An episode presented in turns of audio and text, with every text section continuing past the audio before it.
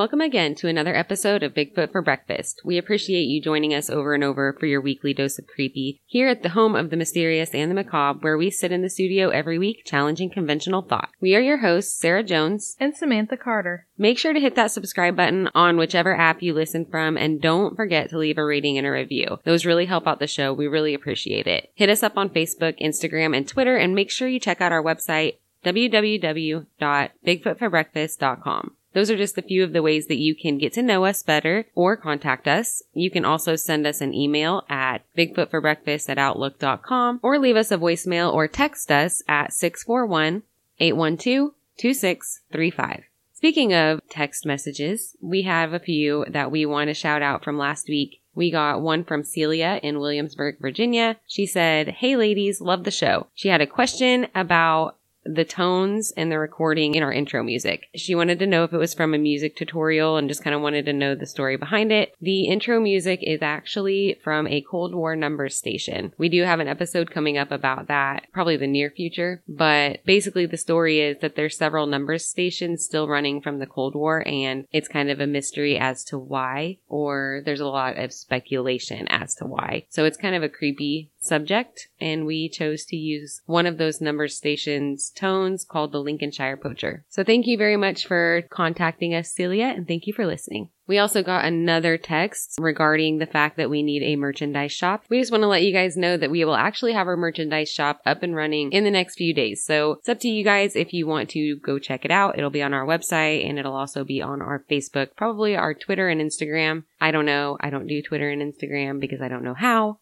Samantha, you want to weigh in? We'll share it on those things. I will also put it on our TikTok, which I am obsessed with also, so check that out too. We'll have things like coffee cups, tumblers, water bottles that are really neat, obviously hoodies, tank tops, whatever you guys want. We also got another message from a new Patreon subscriber, Buffy. We just want to give a shout out to Buffy. She is from Montana. She actually had a show suggestion for us that was really interesting. I had never heard of before, so we'll be looking into that for a future topic as well. They have kind of a little monster situation going on up in Montana that I had no idea existed. We'll be right there. yeah, we'll come swim. Bring coffee. Yes, bring coffee. we love coffee. We pretty much run on coffee and small amounts of oxygen. And that's it. She's been listening to the Ruby Ridge series and that's what got her hooked. So recommend it to your friends, everybody. We want to say thank you so much to Buffy for becoming a new Patreon subscriber. That is really helpful. We really haven't put the Patreon out too much, but it really does help the show so much. Obviously, it costs a little money to run a podcast and we don't make any. So thank you so much for that. I'm just a poor boy. On the Chipper Chick note, check out the link to their Facebook on our Facebook. Get some Nom Nom Coffee, and thank you again for Buffy and Jaden for being listeners and supporting our podcast. I didn't say before, but Chipper Chick is actually the name of their coffee company. Montana. She makes a difference in everyone's day with her coffee and her smile. Yes.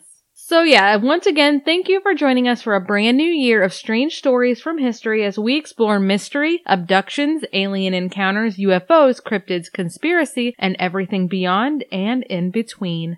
With the results of the American election being shrouded in conspiracy and controversy, we've decided to dedicate January of 2021 to a podcast series which is also fraught with controversy and conspiracy, which are definitely a few of our favorite things. You know, when the dog bites, the bee stings, and we're feeling sad.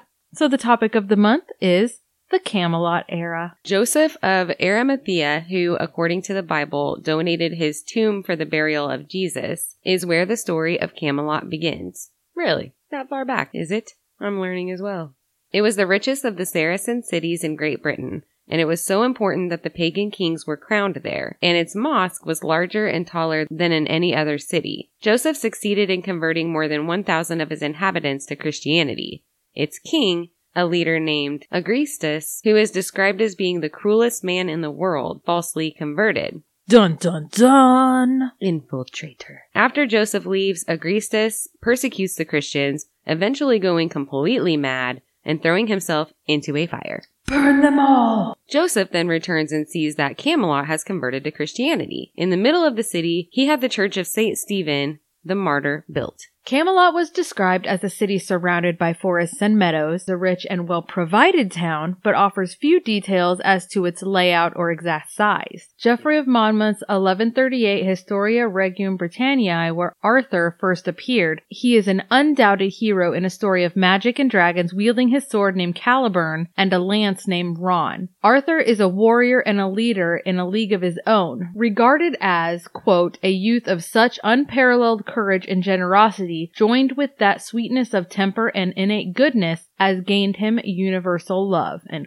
Obviously, as time went on and the tale was told by other authors with their own twists, the stories changed in many ways, but kept a lot of the base elements the same. The texts say that Arthur held court in a castle next to a body of water that is said to have been furnished with a main courtyard, bedrooms, areas for feasting, and of course the infamous round table. It was a wedding gift from Guinevere's father after Arthur asked for her hand in marriage. At the time, there were already a hundred knights out of the total of 150 who were members of the Round Table, and the magician Merlin was asked to choose the remaining members to bring it to a full complement, emphasizing that each must be chivalrous. When they were assembled, Merlin said, From now on you must love one another and hold one another as dear as brothers. For from the love and sweetness of this table where you will be seated, there will be born in your hearts such a great joy and friendship that you will leave your wives and children to be with one another and spend your youth together. Hmm. According to a translation by Martha Asher, the names of the knights were engraved on their chairs, and by the end of the saga, after the death of King Arthur, nearly every knight of the Round Table is dead.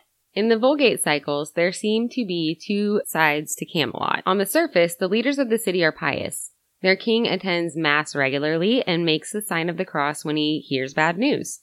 Chivalry is essential and Vespers, a form of evening prayer, are held regularly. At times, battlefield enemies are even buried with honors. Yet some of the most senior people in the city engage in destructive behavior. Some of the stories discuss how Queen Guinevere and Lancelot, the most powerful knight of the realm, engaged in an affair. When King Arthur finds out about this, he finds himself in a ruinous war with Lancelot. At the end of this story, it is not Lancelot who kills Arthur, but the king's own son, Mordred. Entrusted with the kingdom of Logres while Arthur pursues Lancelot, he takes it over, forcing Arthur to confront him in a final battle. In the final battle, the king attacks Mordred. Bearing down on him with all of his force, he struck him so hard that he ripped apart the links of Mordred's hauberk and thrust the steel of his lance through his body.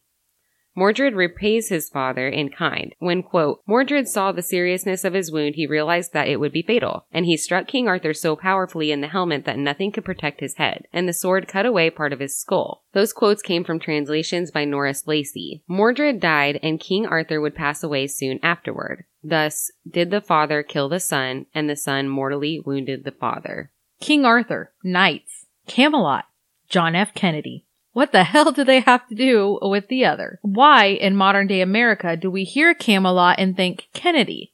Where did this association with the mythical monarch who brought peace, chivalry, and nobility to his kingdom come from. In the 1950s, 60s, and even 70s in America were marked with the Kennedy name. JFK served in the Massachusetts House of Representatives from 1953 to 1960 and served as the 35th President of the United States from 1961 to 1963 when he met an untimely death that has since been the oak that has sprouted a thousand roots in the form of conspiracy theories that has dominated political whispers even to this day. And we will get to all that. John Fitzgerald Kennedy is only one man in a line of famous Kennedys that are well known for their roles in American history and politics. Today's episode isn't about JFK, alas, while it is the association of his presidency to the principles Arthurian legend that would persuade the public to remember the slain president as a rare and heroic leader. Our main story today begins elsewhere, be it in a very similar, less than humble beginning. On February 22nd of the year 1932, in Boston, Massachusetts, the last of the children born to Joseph P. Kennedy Sr. and Rose Elizabeth Fitzgerald was born. Edward Moore Kennedy, who came to be known as Ted, was number nine out of nine children born to the prominent Kennedy family. It is with him, the last born and the last surviving brother, that we begin our daunting trek through what is known as the Camelot era, which sounds so very graceful and enchanting. But we will also explore what has been speculated as being a curse on the Kennedy family. BigThink.com released an interview, which we found on YouTube, and you can find the link in our cited works, in which Ted Kennedy discusses the huge role his family had on his life and his development. Having been the youngest, having to fight to have his point of views heard in such a large group of ambitious men and political leaders. While you could assume his path in the world had been paved before him and his career was handed to him on a silver platter, that probably was not necessarily the reality of the case, but maybe it was a little. I don't know.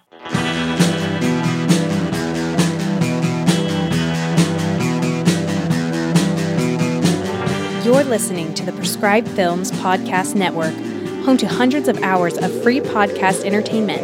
The shows on this network all have a common goal providing you with the best discussions about movies and other forms of entertainment media. The PFPN hopes to fill your earholes with audio joy. Visit our website with links to all the other amazing shows at www.thepfpn.com. Thanks for listening.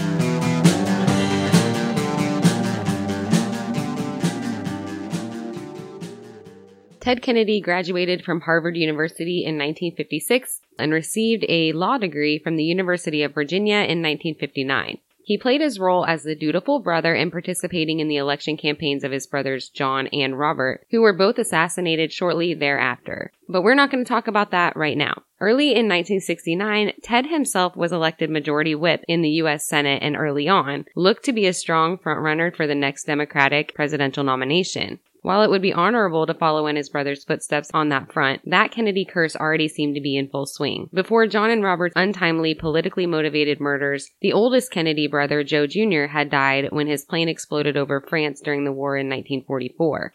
Four months after their wedding, his sister Kathleen's husband was shot through the heart by a German sniper, and Kathleen, nicknamed Kick, was also killed in a plane crash. While he wouldn't be assassinated, he was far from beyond the reach of the curse.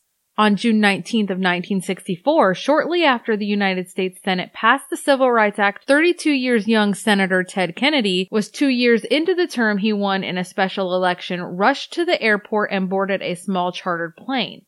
He was running late on his way to Springfield, Massachusetts to accept the nomination for a full term in the Senate at the state Democratic convention, but never made it to Springfield. During the approach, the weather turned murky, and shortly after 11 p.m., the pilot, Zimny, tried to make an approach, flying on instruments alone. Keep in mind the time 11 p.m. for purposes of strange coincidence. Three miles from the runway, the plane flew too low, hit some trees, and crashed into an orchard. The keynote speaker for the Democratic convention, Senator Birch Bayh of Indiana and his wife Marvella, who were also aboard the plane, did survive the crash as did Ted Kennedy. Unfortunately, his legislative aide, Edward Moss, and pilot Edwin Zimny did not.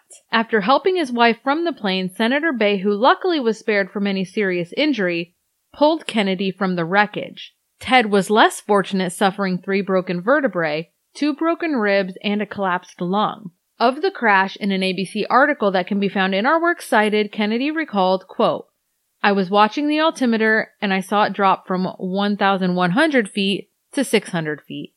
It was just like a toboggan ride, right along the tops of the trees for a few seconds. Then there was a terrific impact into a tree. Investigators speculated that it may well have been their positions in the plane that determined their survival. The Bayhs had been sitting in the rear of the small plane and sustained only minor injuries.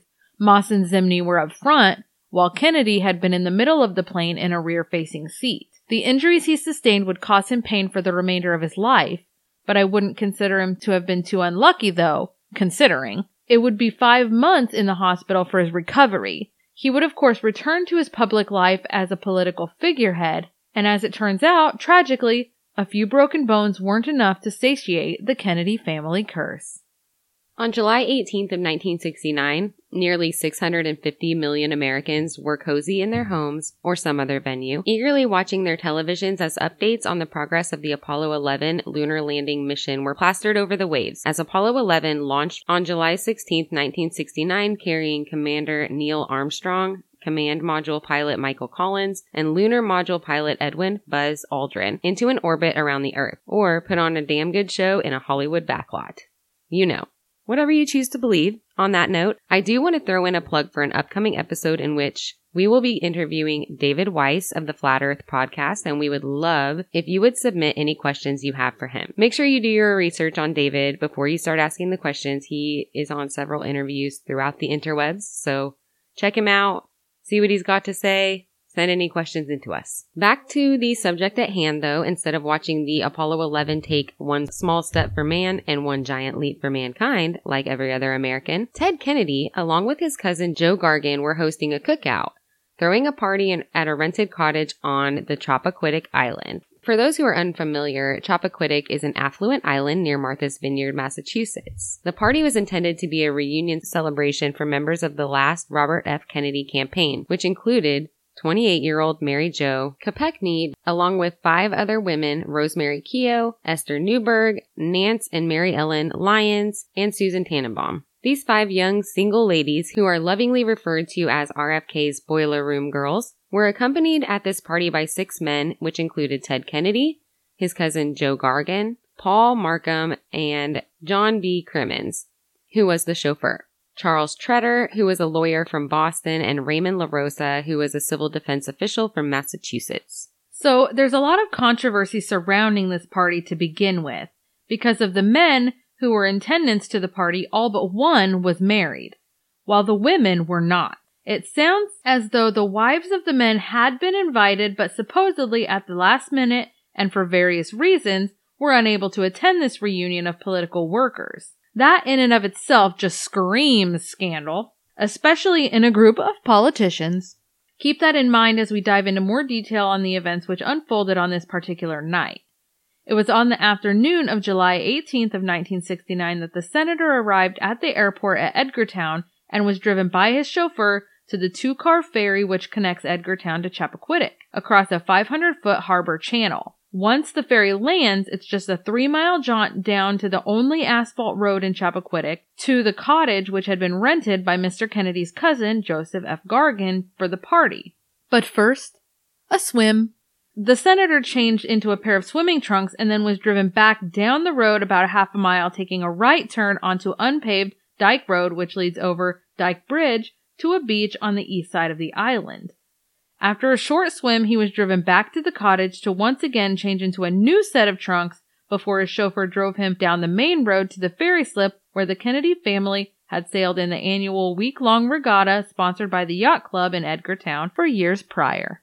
After a long afternoon of regattaing, he made his way back to Edgartown by around 6 p.m., checking into his room at the Shiretown Inn, but then returning to the cottage on Chappaquiddick, where he took a bath and waited for the party guests to arrive. It sounds like the women who were to attend the party also swam that afternoon at the beach on the east side of the island. The party began around 8:30 p.m., which is a little later than was expected. According to later statements, Mr. Crimmins had fully stocked the bar with three and a half gallons of vodka, four fifths of scotch, two bottles of rum, and a couple of cases of canned beer for the guests. The small gathering also included a steak dinner as they passed the time reminiscing of campaign days and then dancing and singing as one does at parties.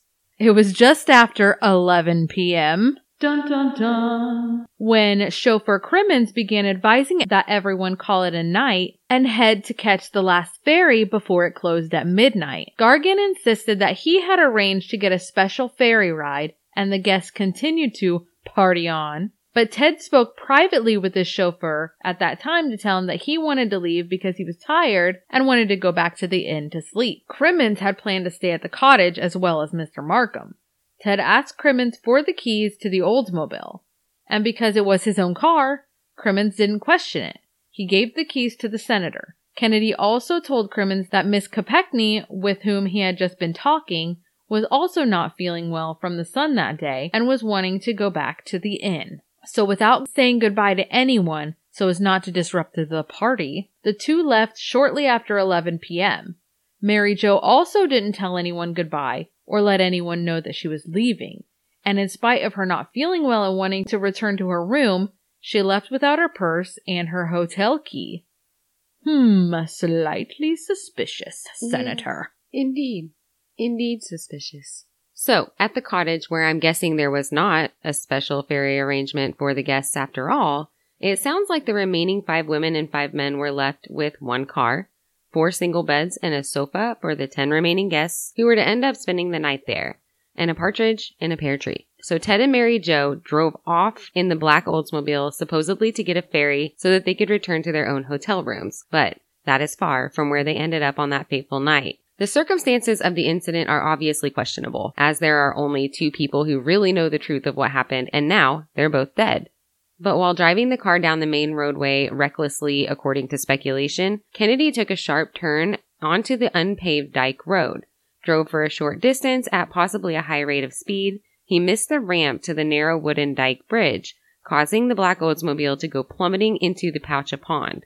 Now, we know for certain that the two of them had been down this road before. Literally, not figuratively, as this is where the beach was that they had been swimming earlier that day. Kennedy insisted that the excursion on Dyke Road was a mistaken wrong turn, as it is exactly the opposite direction of the ferry. The fact that they headed off alone, a married senator and an unmarried woman, was the least scandalous part of this situation. After plunging into the water, Kennedy managed to get himself out of the car and up for air. As he tells it, he exhausted many attempts to dive back into the dark, murky waters to try to get Mary Jo out of the car, to no avail, so he left and returned to the cottage.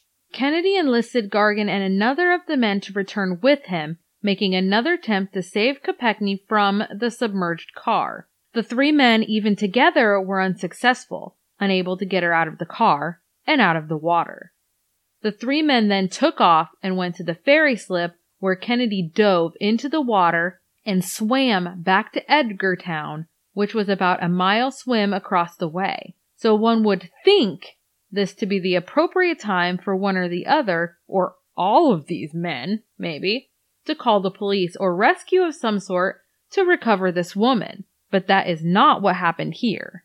In fact, Ted returned to his room at the Shiretown Inn and changed his clothes. In what could only be assumed as an attempt at establishing an alibi, at about 2:25 a.m., Kennedy emerged from his room into view of the innkeeper, Russell Peachey. Peachey was told that Ted had been awakened by a noise next door. He then asked what time it was before returning to his room. So this not only ensured that he had someone to corroborate that he was in his room at that time, but it ensured that the innkeeper knew the time. It wasn't until 9:45 a.m. on July 19th, 10 hours after driving off the Dyke Road Bridge, that Kennedy reported the accident to Edgartown Police Chief Dominic Arena. He then admitted that he was the driver. Some sources state that he had an expired license at the time. I also read that while he was filling out the paperwork for the report, he left a blank after the name Mary Jo because he didn't even know her last name. According to, quote, Senatorial Privilege and the Chappaquiddick Cover Up, written in 1988 by author Leo Damore, an interview with Joe Gargan claims that it had initially been plotted by Kennedy to report that Mary Jo Kopechne had been the driver and that she had been the only occupant of the vehicle at the time of the accident. This is not some panicked kid afraid of getting into trouble. This is an affluent adult male a state senator with a bid for president of the United States of America, a married man with the death of a woman on his hands making well thought out plans to cover up his involvement in what began as an accident and became a crime. He insisted that neither he nor she had been intoxicated at the time. He also denied that there had been anything inappropriate going on between himself and Kopechne. On July 25th, he pled guilty to leaving the scene of an accident and received a two month suspended sentence. His driver's license was also suspended for a year after delaying the report of an accident that resulted in the death of a woman for 10 hours. He was charged with leaving the scene of an accident. Well, what else could they do? In order to charge Kennedy with involuntary manslaughter, the police would have had to establish that he'd done something illegal like speeding or driving under the influence. And of course, after 10 hours, they couldn't prove if he'd been drunk while driving. They did find, however, that it may have taken several hours underwater, trapped in a car, fighting for survival for Mary Jo Kopechne to die. John Farrar, the captain of the Edgartown Fire Department Search and Rescue Division, pulled Kopechne from the car. He reported that the car had been sitting in about six feet of water and parts of the roof and trunk appeared to be dry. The rescuers had discovered an air pocket in the vehicle and found Kopechne's body situated in a way that could have allowed her to survive for a period of time. While the medical examiner ruled drowning as the cause of death, as far as Farrar was concerned, it was likely she suffocated as she ran out of breathable air. Had the police and rescue been called as soon as the accident occurred, she very well may have been saved. I think from what I read, four hours is how long she was under there alive. So the fact that he couldn't get her out is reasonable, but the fact that he didn't go for help and just left her there, For 10 hours. I'm pretty sure that's what got him in trouble, and now this is his entire legacy, and that's really sad. Bad decisions and such. Remorseful in the public eye, Kennedy did admit that his delay in reporting the accident was indefensible. He made the claim that he was suffering from physical and emotional shock, and that he was not thinking clearly. But was that really the case? That's the question, isn't it? Even if he had been suffering from shock, why didn't his aides who attempted to get her out of the water at the time call the police themselves or push him to do so? Tests revealed that Kopechne's blood alcohol content resulted at 0.09, which indicated that she had consumed several drinks. To her friends, however, she was said to have been a woman who typically consumed very little alcohol. For whatever reason, at the time of her recovery, an autopsy had not been done. So many questions go unanswered in this case, and those who knew weren't talking. Being who he was, there was an army of people at his back to help cover it up and smooth it over, including damage control and legal efforts pushed by the likes of ex-defense secretary Robert McNamara and JFK speechwriter Ted Sorensen. In January of 1970, there was an inquest conducted in secret to gather facts about the incident. A police officer named Huck Look reported having seen the car that he believed to be Kennedy speeding toward Dyke Bridge around 12:40 a.m., which contradicted Kennedy's timeline and reason for leaving the party. The ferry would have stopped running 40 minutes prior to that. So taking himself and Mary Jo to the ferry to get to their rooms at the inn couldn't have been the reason he was out driving about. Wrong turn? I don't think so. Bob Molla was an investigating officer for the Registry of Motor Vehicles and had been one of the investigators of the accident and remembers Kennedy being unusually calm and collected for the ordeal that he had experienced. According to Molla, it wasn't like a normal person who had been in a fatal accident. It was almost like he was an actor and he had a script to go by. Which I'm sure, based on the legal team at his back, that's exactly how it was. He had plenty of time to make plenty of phone calls between the time that the accident happened and turning himself in. Plenty of time to coach him on what to say, what to do, and how to act.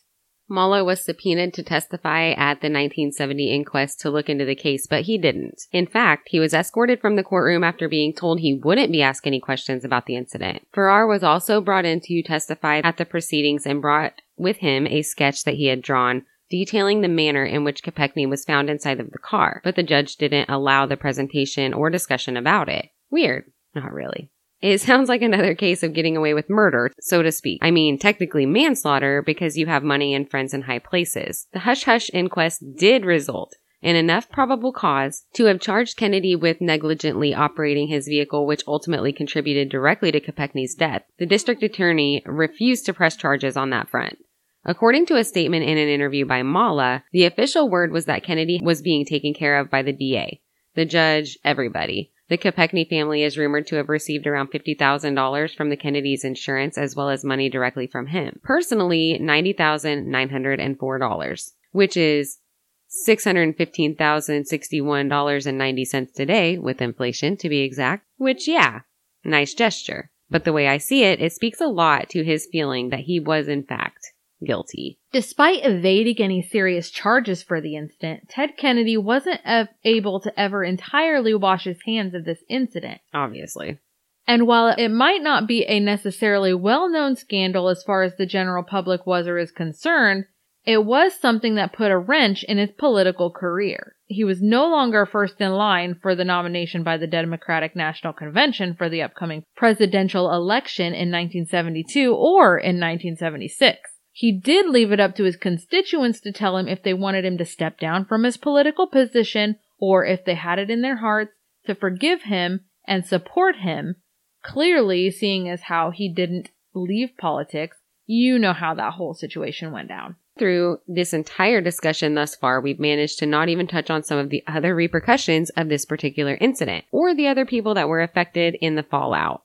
Don't forget that this incident was so scandalous in part by the fact that the relationship between Kennedy and his passenger was speculated to be more than it should have been. Kennedy was married, and his wife Joan was actually pregnant at the time of the accident. Sadly, she suffered a miscarriage and she told the wire service, I believe everything Ted said, and refused to give credit to the allegations that Kennedy and Kopechne were going for a midnight swim when the accident happened. She had said that the incident was to blame for the tragic loss of her child. This was Joan's third miscarriage. Like Joan and the late Kennedy baby she'd carried, there were a lot of what we would consider to be forgotten victims in this incident. Joan is said to have had a bit of an alcohol problem, which may have had a little to do with being the wife of a man who's rumored to have been having more than a couple extramarital affairs, on top of the pressure and whatever else comes along with simply being attached to the Kennedy family. The other women that had been present at the party were marked in their careers and personal lives with the speculation of scandal rooted from the incident, as were the other men. Not the least of the forgotten victims, I would say, is Mary Jo Kopechne herself. Yes, her name lives in infamy, forever tied to the scandal weighing on the tale of her tragic, untimely demise. But what of her life, her accomplishments, who she was, who she could have been? All of these things fall by the wayside in the shadow of scandal and buried by silver-tongued lawyers and publicists. Mary Jo Kopechne had navigated her way into a career that was considered most fervently to be a man's world. She began her career after receiving her college education at Caldwell College for Women in Alabama. Teaching at a Montgomery Catholic school in 1963, she moved forward in her career as a secretary to Senator George A. Smathers of Florida. Only a year later, she became a speechwriter for Joseph Dolan, who was a political advisor to Robert Kennedy. She, as well as a handful of other women, had developed a serious reputation in their work on the campaign of Ted Kennedy's late brother Robert. The Boiler Room Girls earned their nickname from the cramped hot windowless work area in Robert Kennedy's Washington DC electoral offices where this group of six women worked as political advisors for the 1968 presidential campaign. They have been described as, quote, frighteningly intelligent, politically astute, capable as all get out, and uniformly bright, efficient, fascinated by politics by various sources. After Robert Kennedy's assassination, she joined Matt Reese Associates and then joined Senator Edward Kennedy's office. Her loss was a tragedy, no question. At a time when there were very few women in politics, she seemed to be on the fast track as a strong, intelligent woman to land political office. Had she survived the accident? Or had it not happened at all? Would that have alleviated the scandal in its entirety? Some say not. Ted Kennedy aside, there were rumors of a romantic tryst between she and Bobby Kennedy as she worked on his campaign prior to his untimely death. According to a 2018 article by Jerry Oppenheimer for DailyMail.com, a source who was close to the Kennedy family made a comment that Bobby came on to Mary Jo. He took advantage of her trust in him and her being somewhat naive. At a minimum, there was kissing, and this was happening when she was working at Hickory Hill. Also, that Bobby's wife Ethel caught Bobby and Mary Jo in an embrace, which Bobby excused as a pat on the back for Mary Jo's good work. Also earlier, we discussed that Kopechne did not undergo an autopsy after her death, which is strange to say the least. Also that she was buried quite quickly. There are sources, however, that say that a post-mortem exam was done, and that revelations of that exam were far more explosive. So a lot of this information comes from reported interviews with an anonymous private investigator for the sake of her own personal protection, but I feel like it's important, as always, to present all rumors, theories, and perspectives surrounding the case and let you draw your own conclusion. Deny nothing, question everything, right? So, one of the theories floating around out there is that a man named David Powers who was apparently infamous for pulling strings to keep the Kennedys out of trouble, was with the pair in the Oldsmobile at the time of the crash, which might have been awkward if they were in fact headed for a lover's lane type scenario. But was that the case? Perhaps not. Maxine Cheshire sold what was said to be a confirmed story revealing secrets regarding the Chappaquiddick case. This article included the oh so scandalous allegation that Kopechne had in fact been pregnant when she and the senator drove his Oldsmobile off the Dyke Bridge. The pregnancy was supposedly discovered in a secret post-mortem exam, of which we spoke previously. So the pregnant side chick theory brings us to speculate that perhaps this wasn't an accident at all. Which of course would be one of the only reasons that they would need to exclude Powers' presence from the event altogether. This theory alludes to the possibility that Powers and Kennedy were conspiring to get rid of the scandalous pregnancy, which is why she was not only driven into the water, but left there and not reported to the police for rescue attempts for like 10 hours. Dun dun dun. This is the kind of story that would blow the roof off of the Camelot legacy, which is why sources say the publisher got cold feet about running the story. If this was true, the story itself demonstrates the danger in compromising or crossing the Kennedy family. This wouldn't be the only one of these types of stories that mysteriously disappear. I mean, even the ABC News documentary by Geraldo Rivera in the 80s about circumstances surrounding the death of Marilyn Monroe. That is definitely a story for a different time. A different episode. Another part of our January Camelot series, of course. The point is, it wasn't uncommon for these kinds of groundbreaking legacy crushing stories to end up deep sixed. There's no shortage of conspiracy and controversy lingering here, man. Man. Woman. Whoa, man. Whoa, man. so, while Ted Kennedy, the last of the nine, like many before him, found himself on the wrong end of one of the cardinal rules in politics never get caught with a dead girl or a live boy. Yeah. Wow, I'd never heard that, but it makes so much sense. And so many people really fuck that up. They really do. It's so basic, but These guys. eye opening, earth shattering. He still managed to salvage a career in politics, although never reaching what was likely his ultimate career goals. He would serve Massachusetts in the Senate for three more decades, being elected to his seat eight more times in 64, 70, 76, 82, 88, 94, 2000, and 2006. He came to be known as the Lion of the Senate, and with his staff wrote more than 300 bills which were enacted into law. He was a spokesman for causes including civil rights, healthcare, and immigration, increases to the federal minimum wage, voting rights, AIDS care, various consumer protections, and equal rights for minorities, the disabled, women, and gay Americans. In 1972, he was the driving force behind the Women, Infants, and Children's Program, or WIC program, which provides food assistance and access to health services for low income women and their children. It is impossible for liberals or conservatives alike to say that he was not somewhat of a positive force in American government in many aspects. In May of 2008, he was diagnosed with a malignant brain tumor, but despite his poor health, he spoke at the Democratic National Convention that year, making an inspiring speech. On August 25th, 2009, at 77 years old, he succumbed to brain cancer and was buried at Arlington National Cemetery in Virginia, near the graves of his brothers John and Robert. The best way to end a semi-biographical piece, I find, is with a quote. So, to that end, the work begins anew, the hope rises again, and the dream lives on. Unless, of course, you find yourself standing in the way of the dream of someone more influential, more wealthy, and more powerful than you.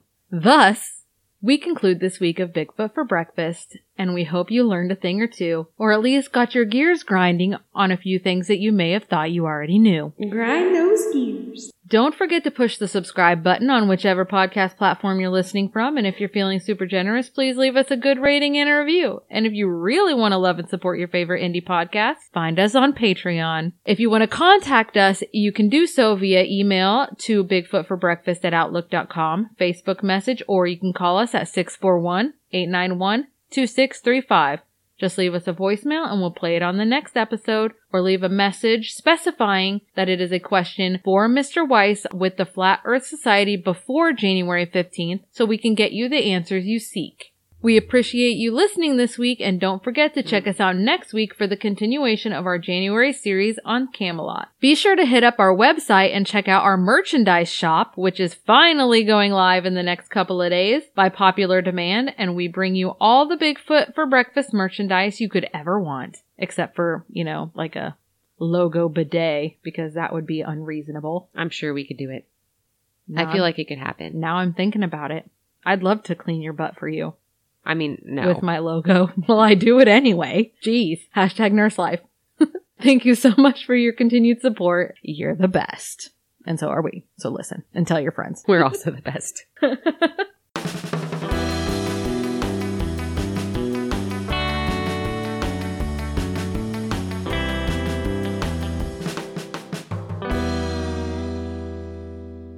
Come at me, bro.